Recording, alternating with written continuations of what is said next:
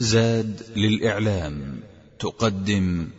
الحمد لله رب العالمين وصلى الله على نبينا محمد وعلى آله وصحبه أجمعين. وبعد فمن روائع القصص القرآن التي قصها الله علينا في كتابه العزيز ما جاء في قوله تعالى وهل أتاك نبأ الخصم إذ تسوروا المحراب؟ إذ دخلوا على داود ففزع منهم قالوا لا تخف. خصمان. بغى بعضنا على بعض. فاحكم بيننا بالحق ولا تشطط واهدنا إلى سواء الصراط.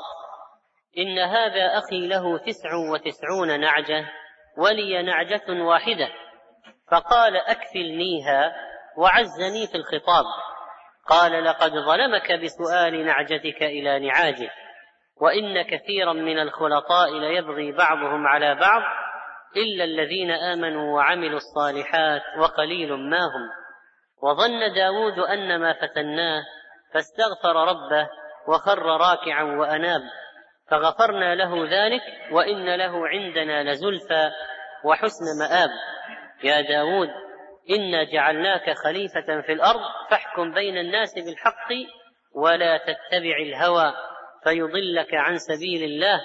إن الذين يضلون عن سبيل الله لهم عذاب شديد بما نسوا يوم الحساب. هل أتاك؟ هل جاءك؟ نبأ الخصم. الخطاب للنبي عليه الصلاة والسلام ولكل من يصلح أن يكون الخطاب له. فهل أتاك يا أيها المؤمن؟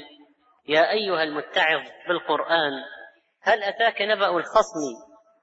ولا يقال نبأ إلا للخبر الهام عما يتساءلون عن النبأ العظيم. فالفرق بين الخبر والنبأ أن النبأ هو الخبر الهام وهل أتاك نبأ الخصم؟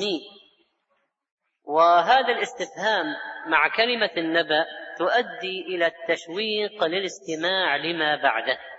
وهل أتاك نبأ؟ إنه يلفت النظر. تشويق. ما هو هذا النبأ؟ ما هو؟ وهل أتاك نبأ الخصم؟ يقع على الواحد والاثنين والجماعة يقال خصم على واحد وعلى الاثنين خصم وعلى الجماعة خصم. وقيل إنهم جماعة لأن الله قال إذ تسوروا وهذه واو الجمع. وتسور تسلق المحراب الحائط. معنى ذلك أنهم وجدوا الباب مغلقا أو منعوا من الدخول فتسوروا عليه المحراب. والمحراب هنا محل عبادة داود عليه السلام. وأصل المحراب مقدم كل مجلس وبيت وأشرفه. يقال عليه محراب ومنه محراب المسجد. إذ دخلوا على داود ففزع خاف. منهم والسبب أنهم جماعة دخلوا عليه من من غير الباب بلا إذن ولا استئذان. فلما دخلوا عليه بهذه الطريقة فزع منهم وخاف. وقيل إنه فزع لأن الدخول كان ليلا وفجأة في غير وقت في غير وقت سماع كلام الناس أو شكاوى الناس في مجلس المخصص لذلك. قالوا لا تخف ما جئنا لقتل ولا لنهب ولا لتخريب ولا لاعتداء وإنما نحن قال الله تعالى خصمان بغى بعضنا على بعض البغي هو العدوان. نحن طائفتان مختصمتان تعدى بعضنا على بعض بغير حق. وقيل رجلان وقيل فريقان فاحكم بيننا اقض بيننا يا داود عليه السلام بالعدل بالحق بالعدل ولا تشطط لا تمل مع أحدنا والشطط هو النقص والجور والظلم واهدنا إلى سواء الصراط سواء الصراط يعني الصراط المستقيم طريق الحق وسط الصراط العدل. قال أحدهما إن هذا أخي. أخوة الدين أو النسب أو الصداقة.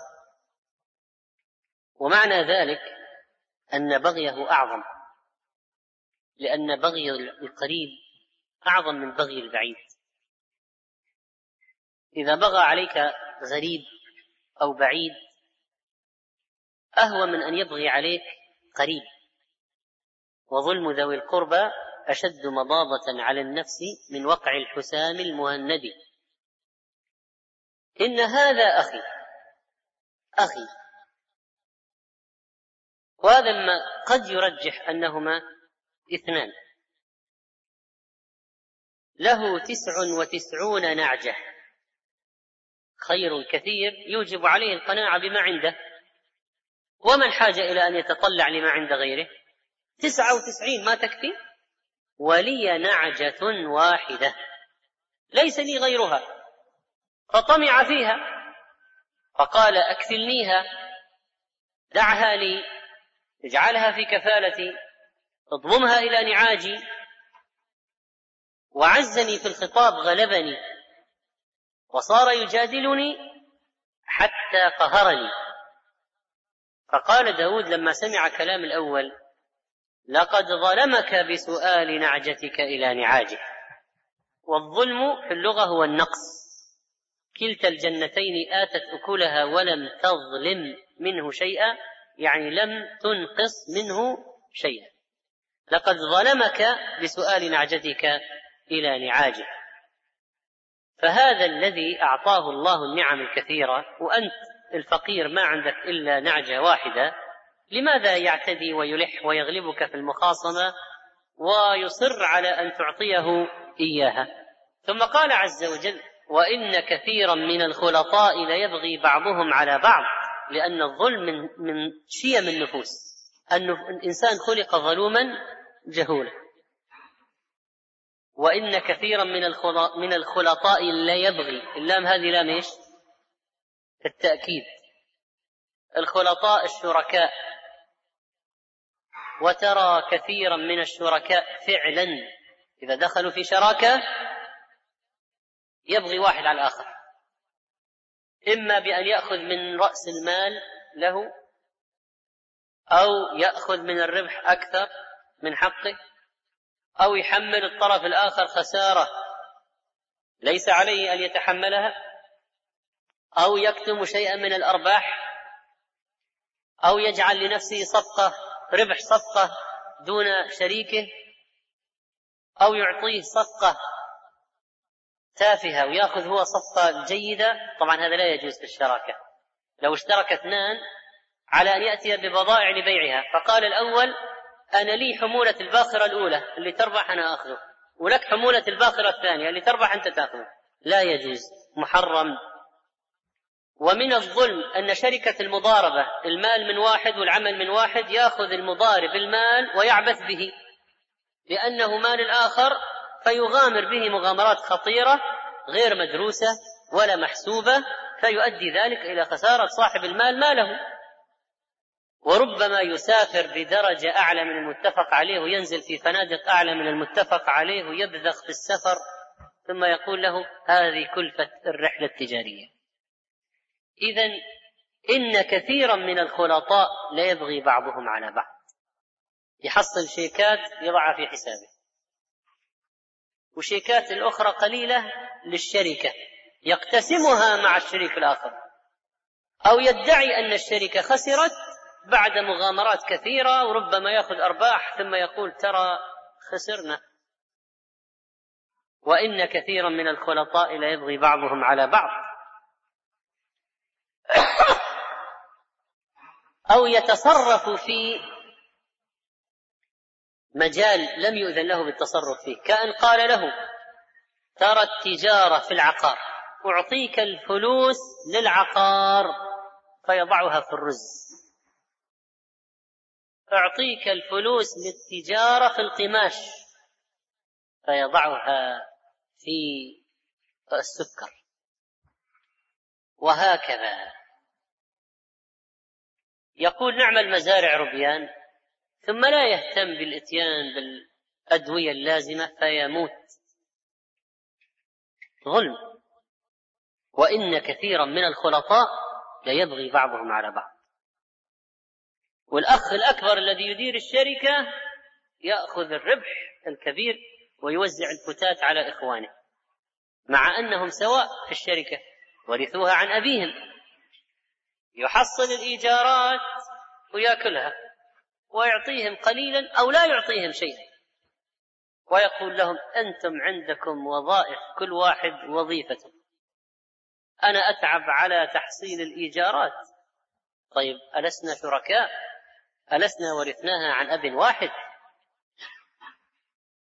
وإن كثيرا من الخلطاء ليبغي بعضهم على بعض. إلا صنف لا يبغي. من هم؟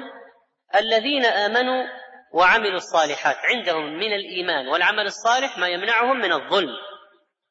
والعمل الصالح ما جمع شرطين. الإخلاص لله والمتابعة لرسول الله صلى الله عليه وسلم.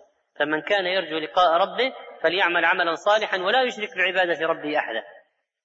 فهذا المؤمن الذي يعمل الصالحات إيمانه وعمله الصالح يمنعه من البغي والظلم ويجعله أمينا لا يأكل حق غيره. ومن نقص إيمانه وعمله الصالح فإن هذا سيجعله يتردى في البغي. لكن أيهما أكثر؟ الذين يبغون من الشركاء أو الذين يعدلون؟ الذين يبغون أكثر. لأن الله قال وإن كثيرا من الخلطاء لا يبغي بعضهم على بعض إلا الذين آمنوا وعملوا الصالحات وقليل ما هم. قليل. الأمناء الذين يديرون الشركات بإتقان ولا يظلمون ولا يبخسون الآخرين حقوقهم. يقولون هذه أسهم ممتازة نوزعها على أعضاء مجلس الإدارة. إيش هذه الأسهم؟ قالوا لا تخسر. إيش هذه الأسهم؟ قالوا نوزع أرباحها قبل. وإذا زاد نعطي الآخرين. هذا حرام. ما في شيء اسمه اسهم ممتازه إذا دفعوا سوا فالاسهم متساوية متماثلة. لك سهمين ثلاثة عشرة. وقليل ما هم. وقليل من عبادي الشكور كما قال في الآية الأخرى. وفي هذا الحكم من داود عليه السلام حكم ودرر أنه جهر بالحق أبلغ جهر فجهر بظلم الخصم جهرا لا محاباة فيه. ثانيا أنه عرف الباغي ظلمه وحيفه وأن سيف العدل فوقه. ثم نفس عن المظلوم البائس بذكر ما عليه الأكثر. ويقول له مواسيا إن كثيرا من الخلطاء ليبغي بعضهم على بعض ليتأسى ويتسلى لأن الذي أصيب بمصيبة وعلم أن غيره قد أصيب بنفس المصيبة تهون عليه مصيبته. قالت الخنساء فلولا كثرة الباكين حولي على إخوانهم لقتلت نفسي وما يبكون مثل أخي ولكن أعزي النفس عنه بالتأسي. ثم أكد داود عليه السلام الأمر بقلة القائمين بحقوق الأخوة من المؤمنين الذين يعدلون مع إخوانهم ولا يبغون عليهم. قال وقليل ما هم. وظن داود أن ما فتناه وظن داود أن ما فتناه. اختبرناه. والظن هنا بمعنى اليقين. قال تعالى الذين يظنون أنهم ملاقو ربهم يعني يوقنون. وقد يأتي الظن بمعنى الشك. إن نظن إلا ظنا وما نحن بمستيقنين. لكن هنا ظن داود يعني أيقن انما فتناه. وهذه الفتنة التي فتن الله بها داود عليه السلام أنه دخل المحراب وأغلق الباب ولم يسمح بدخول الناس للتحاكم إليه في هذا الوقت. ثانيا أنه سمع كلام الخصم ولم يستمع كلام الآخر. ثالثا أنه حكم للذي استمع إليه قبل والحكم قبل سماع جواب الخصم تسرع. ولهذا كانت فتنة لداود عليه السلام. وظن داود أنما فتناه. فهذه أين الفتنة؟ في هذا. فاستغفر ربه وهذه طبيعة المؤمنين. إذا علم أنه أخطأ سارع إلى الاستغفار. فاستغفر ربه لما صدر منه وطلب المغفرة وستر الذنب والتجاوز وخر راكعا. معنى خر راكعا يعني خر ساجدا. يحتمل أنه ركع اولا ثم سجد كما قال ابن كثير رحمه الله ولكن الركوع فسر بالسجود هنا لأجل كلمة خر لأن الركوع لا يحتاج إلى خرور لكن السجود يحتاج إلى خرور لأن الركوع مجرد انحناء فقد يطلق على السجود ركوعا كما في هذه الآية وخر راكعا يعني ساجدا وهذا أبلغ في الذل لله عز وجل. وأناب إلى الله بالتوبة النصوح.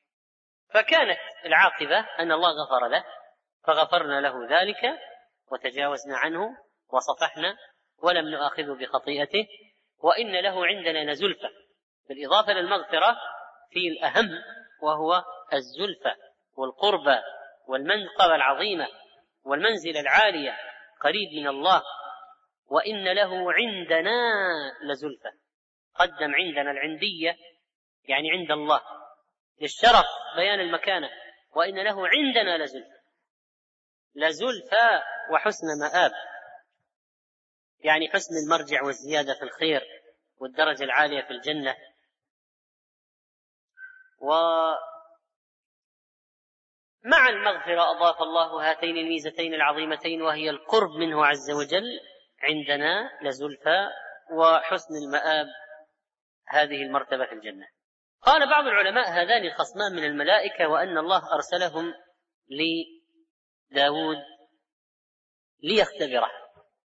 وهنا يذكر الإسرائيليون قصة غريبة عجيبة منكرة فظيعة سيئة لا تليق بداود عليه السلام أبدا.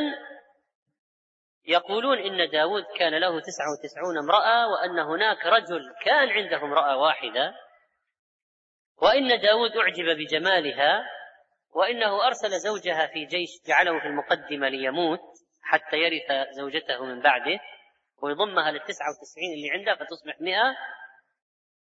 وهذا لعمر الله في غاية البشاعة والسخف والسوء. وليس بعجيب على اليهود أن يفتروا مثل هذا فهم معروفون بأنهم يبهتون أنبياءهم وأنهم يسبونهم ويشتمونهم ويقعون فيهم.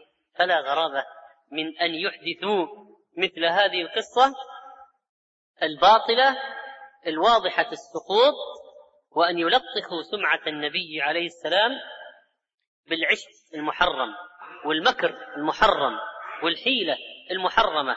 والظلم لكي يضم زوجة ذاك إلى زوجته. وتالله إن كل امرئ منا لا يصون نفسه كما قال ابن حزم رحمه الله. وجاره المستور عن أن يتعشق امرأة جاره. ثم يعرض زوجها للقتل عمدا ليتزوجها. هذه أفعال السفهاء الفساق المتمردين لا أفعال أهل البر والتقوى. فكيف بنبي الله داود عليه السلام؟ فهذه القصة وأمثالها من كذب اليهود وقال البرهان البقاعي وأخبرني بعض من أسلم منهم يعني من اليهود أنهم كانوا يتعمدون ذلك في حق داود عليه السلام لأن عيسى من ذريته عليه السلام ليجدوا سبيلا إلى الطعن فيه ليجدوا سبيلا إلى الطعن فيه.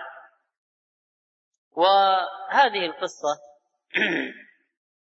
هذه القصة تبين مدى ما وصل إليه اليهود من ظلم الأنبياء وهم الذين قتلوهم وراقوا دماءهم فليس بغريب أن يفتروا عليهم مثل هذه الفرى وذهب بعض العلماء إلى أن هذه القصة على مسألة الخصمين على ظاهرها وأنهما رجلان من البشر اختصما في غنم. فرجعنا إلى مسألة هل هذان الخصمان من من الملائكة أو من البشر؟ وهل هما من الملائكة فأرسلهما الله بقصة منسوجة مثل مضروب أو هي فعلا حصلت لكن لبعض البشر وأنهما تسورا المحراب. وأيضا فإن التثبت والبينة من علامات صحة القضاء.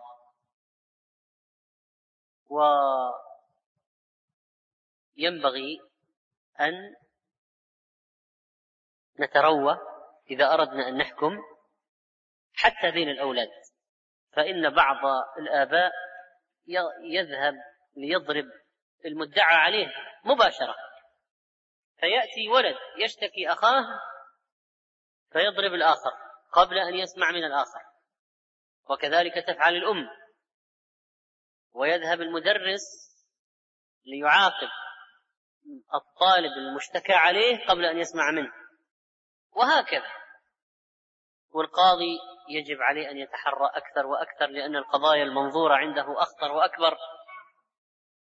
ومن القصة نأخذ أسلوب القرآن في تشويق في التشويق عند عرض القصص وأهمية إتيان البيوت من أبوابها لأن عدم إتيان البيوت من أبوابها يسبب الفزع لأهل البيت. وأن الحكم بين الناس أفضل من العبادات الخاصة لأن داود بالتأكيد لما أغلق الباب ما أغلقه ليلعب أغلقه ليتعبد ذهب إلى محرابه يصلي. وأن الأنبياء يلحقهم ما يلحق الناس يعني من جهة الطبيعة البشرية النبي قد ينسى يذهل يتسرع ممكن يحدث منه هذا لكن أقل بكثير من غيره. يعني هو يقع يخطئ النبي لكن خطأه بالنسبة لخطأ الآخرين. قليل جدا. لكن للتدليل على أنه بشر وليس بملك فيقع منه. إني بشر من البشر أغضب كما يغضبون أنسى كما تنسون. وأنه ينبغي استعمال الأدب في الدخول على القضاة.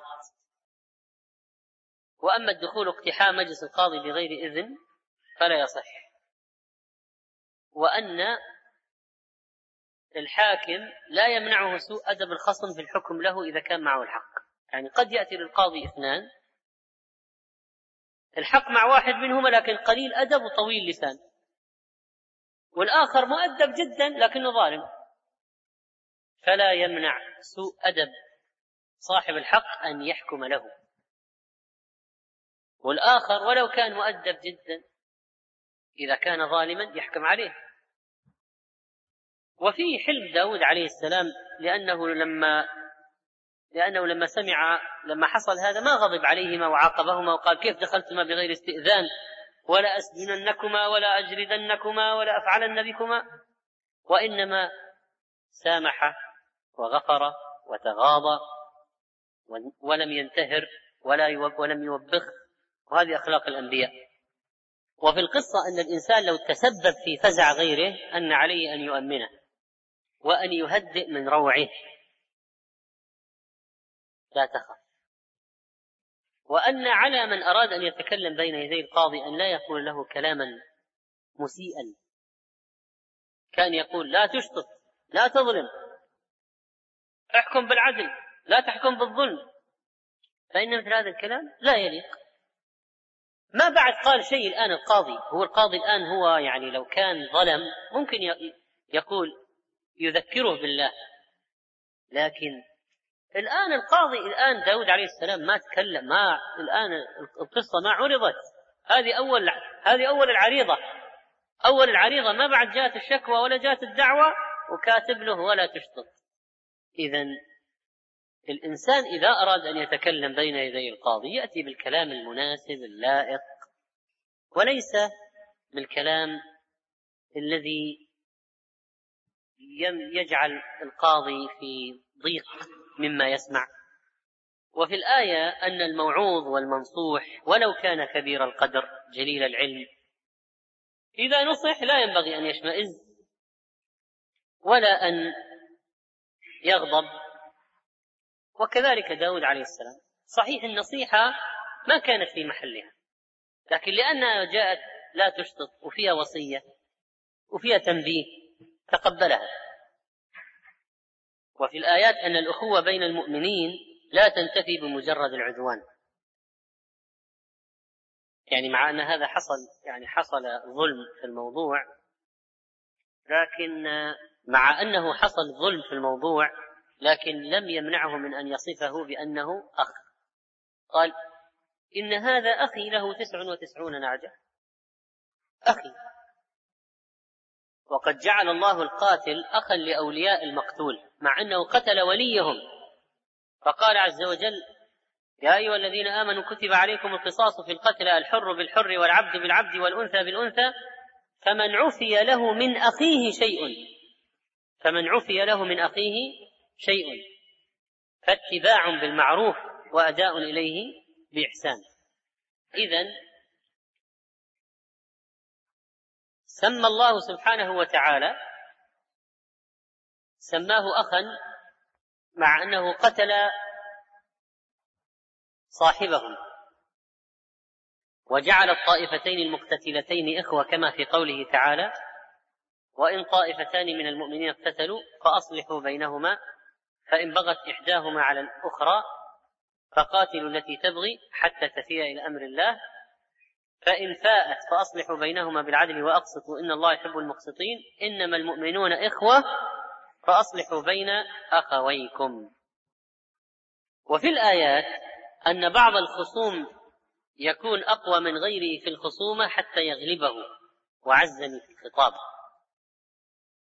ويمكن أن نعتذر لنبي الله داود بأنه لم يسمع من الآخر أنه أراد السرعة في إنهاء القضية ليتفرغ للعبادة التي احتجب عن الناس من أجلها. وفي الآية جواز قول المظلوم لمن ظلمه أنت ظلمتني لأنه قال خصمان بغى بعضنا على بعض. بعض الناس ينصحون الأقارب أن لا يشارك بعضهم بعضا حتى لا تقع الخصومات.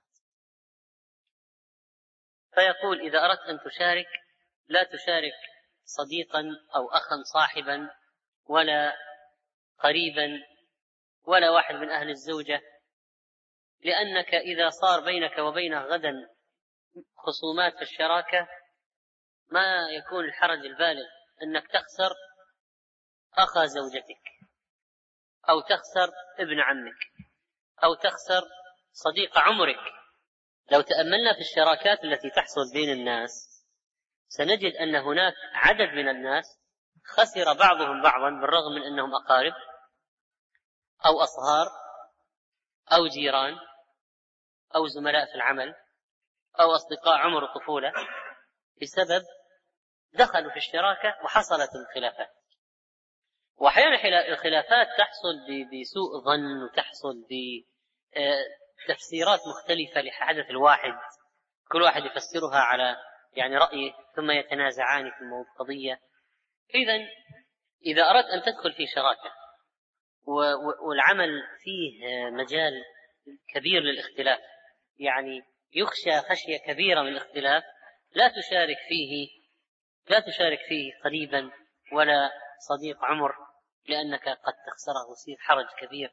لأنك تتذكر السنوات الطويلة جدا التي كنت معه فيها ثم الآن لا يكلم أحدهما الآخر ولا يزور أحدهما الآخر لأجل هالقضية. أعطاه مالا يشغله في النهاية خسر. قال أنت بتفريطك قال ما فرطت أنت فرطت أنا ما فرطت هات الحسابات في اختلاف في نقص وين كذا.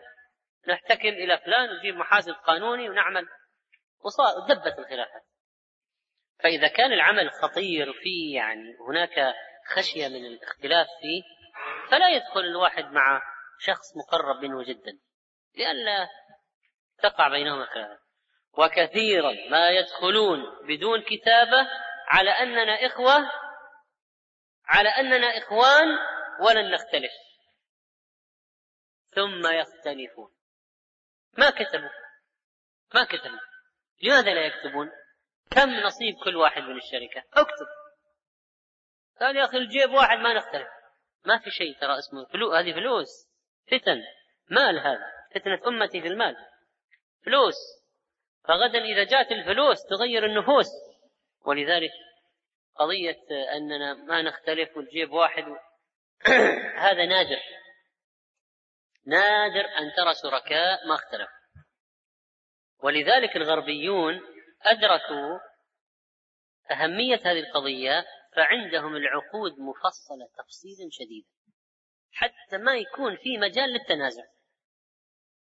وهذا كم نسبة؟ وهذا الراتب والتنقلات على من؟ والكذا وحتى تنقلات المضارب بالدرجة إيش؟ سياحية أفق أولى ينزل فندق خمس نجوم أربع نجوم. ما أدري التنقلات يستأجر سيارة ولا بكذا يعني يكتبون كل شيء حتى ما يكون في مجال للخلاف. وهذه مسألة مهمة. يا أيها الذين آمنوا إذا تدينتم بدين لأجل مسمى فاكتبوا وليكتب بينكم كاتب بالعدل. ولا يأبى كاتب أن يكتب كما علمه الله. فليكتب كم مرة وردت الكتابة في الآية. معناها أنا مسألة هذه مسألة الكتابة مهمة. وسلمتك خمسين. لا سلمتني سلمتني أربعين. أنا سلمتك على أساس أنك ستفعل كذا. لا نحن أنا استلمتها على أساس أنها كذا. أنا وها وتدب الخلافات. اكتب. اكتب كل شيء. اكتب وما الخسارة؟ اكتب. وعندك نسخة وعنده نسخة. وإذا صار شيء العقد بينكما والمسلمون على شروطهم. وفي هذه الآيات إكرام الله لنبي الله داود عليه السلام وأن هذه الفتنة التي حصلت لداود ما نقصت من درجته عند ربه. ولا نزلت أنزلت من رتبته عند الله. بل رفعت وأنه بعد بعد الفتنة صار أفضل مما كان قبل الفتنة. وهكذا بعض الناس ربما يكون له الذنب أنفع من جهة أنه يكون بعد الذنب بالتوبة الشديدة ومحاولة الاستدراك والأعمال الصالحة أفضل مما كان قبل الذنب. لكن ليس معنى هذا أن الواحد يذنب ليكون أفضل لأنه قد يذنب وينتكس ويذنب مرة ثانية وثالثة ورابعة وإذا في مسلسل من الذنوب والخطايا. وفي الآيات أهمية الجمع بين الإيمان والعمل الصالح وأن الحاكم الذي يجلس الناس لا يصح أن يحتجب عنهم وأن الأنبياء يختبرون وأن الله يبتليهم وأن الله يفتنهم فتن الله داود وفتن سليمان وأن السجود للخضوع من سنن الأنبياء خضوعا لله عز وجل وأن الصلاة بعد الذنب والسجود الصلاة بعد الذنب أنها مهمة في تكفير الذنب كما جاء عن النبي صلى الله عليه وسلم. يا داود إنا جعلناك خليفة في الأرض ملكه في الأرض يبلغ الناس شرع الله ويحكم بينهم بالعدل فلا فاحكم بين الناس بالحق ولا تتبع الهوى ولا تميل مع أحد لقرابة أو صداقة أو صحبة فيضلك عن سبيل الله. فنهى الله نبيه داود عن اتباع الهوى. فكيف بغيره من الناس؟ إن الذين يضلون عن سبيل الله ويميلون هؤلاء لهم عذاب أليم. قال لهم عذاب شديد بما نسوا يوم الحساب. وسمي يوم القيامة يوم الحساب لأن الناس يحاسبون فيه. وروى ابن أبي حاتم أن الوليد بن عبد الملك قال لأبي زرعة الوليد بن عبد الملك ماذا كان؟ خليفة. قال لأبي زرعة أيحاسب الخليفة؟ فإنك قد قرأت الكتاب الأول وقرأت القرآن وفقهت. قال يا أمير المؤمنين أقول؟ قال قل في أمان الله. قال يا أمير المؤمنين أنت أكرم على الله أو داود عليه الصلاة والسلام؟ إن الله تعالى جمع له النبوة والخلافة ثم توعده في كتابه فقال يا داود إنا جعلناك خليفة في الأرض فاحكم بين الناس بالحق ولا تتبع الهوى فيضلك عن سبيل الله. إن الذين يضلون عن سبيل الله لهم عذاب شديد بما نسوا يوم الحساب. فإذا يجب الحكم بالحق وأن هذه المرتبة العظيمة يجب أن تراعى الحكم بين الناس وأن القاضي لا يجوز له أن يحابي أحدا ولا أن يقرب أحدا على أحد والخصمان عنده في المجلس سواء وفي الكراسي سواء وفي السماع سواء ولا يقدم شخصا على آخر البين على المدعي واليمين على من أنكر ونحن قوامون لله شهداء بالقسط ولو على أنفسنا أو الوالدين أو الأقربين. لقد اختلف العلماء رحمهم الله في سجدة صاد وخر راكعا وأناب هل هي موضع سجدة أم لا؟ فذهب الشافعي إلى أن سجدة شكر يسجدها القارئ خارج الصلاة ولا يسجدها في الصلاة. ومذهب أحمد رحمه الله أن سجدة تلاوة يسجدها في الصلاة وخارج الصلاة وهذا هو الأرجح لما رواه البخاري عن ابن عباس رضي الله عنهما قال صاد ليس من عزائم السجود وقد رأيت النبي صلى الله عليه وسلم يسجد فيها. فسج وفي رواية عن مجاهد أنه سأل ابن عباس عن سجدة صاد.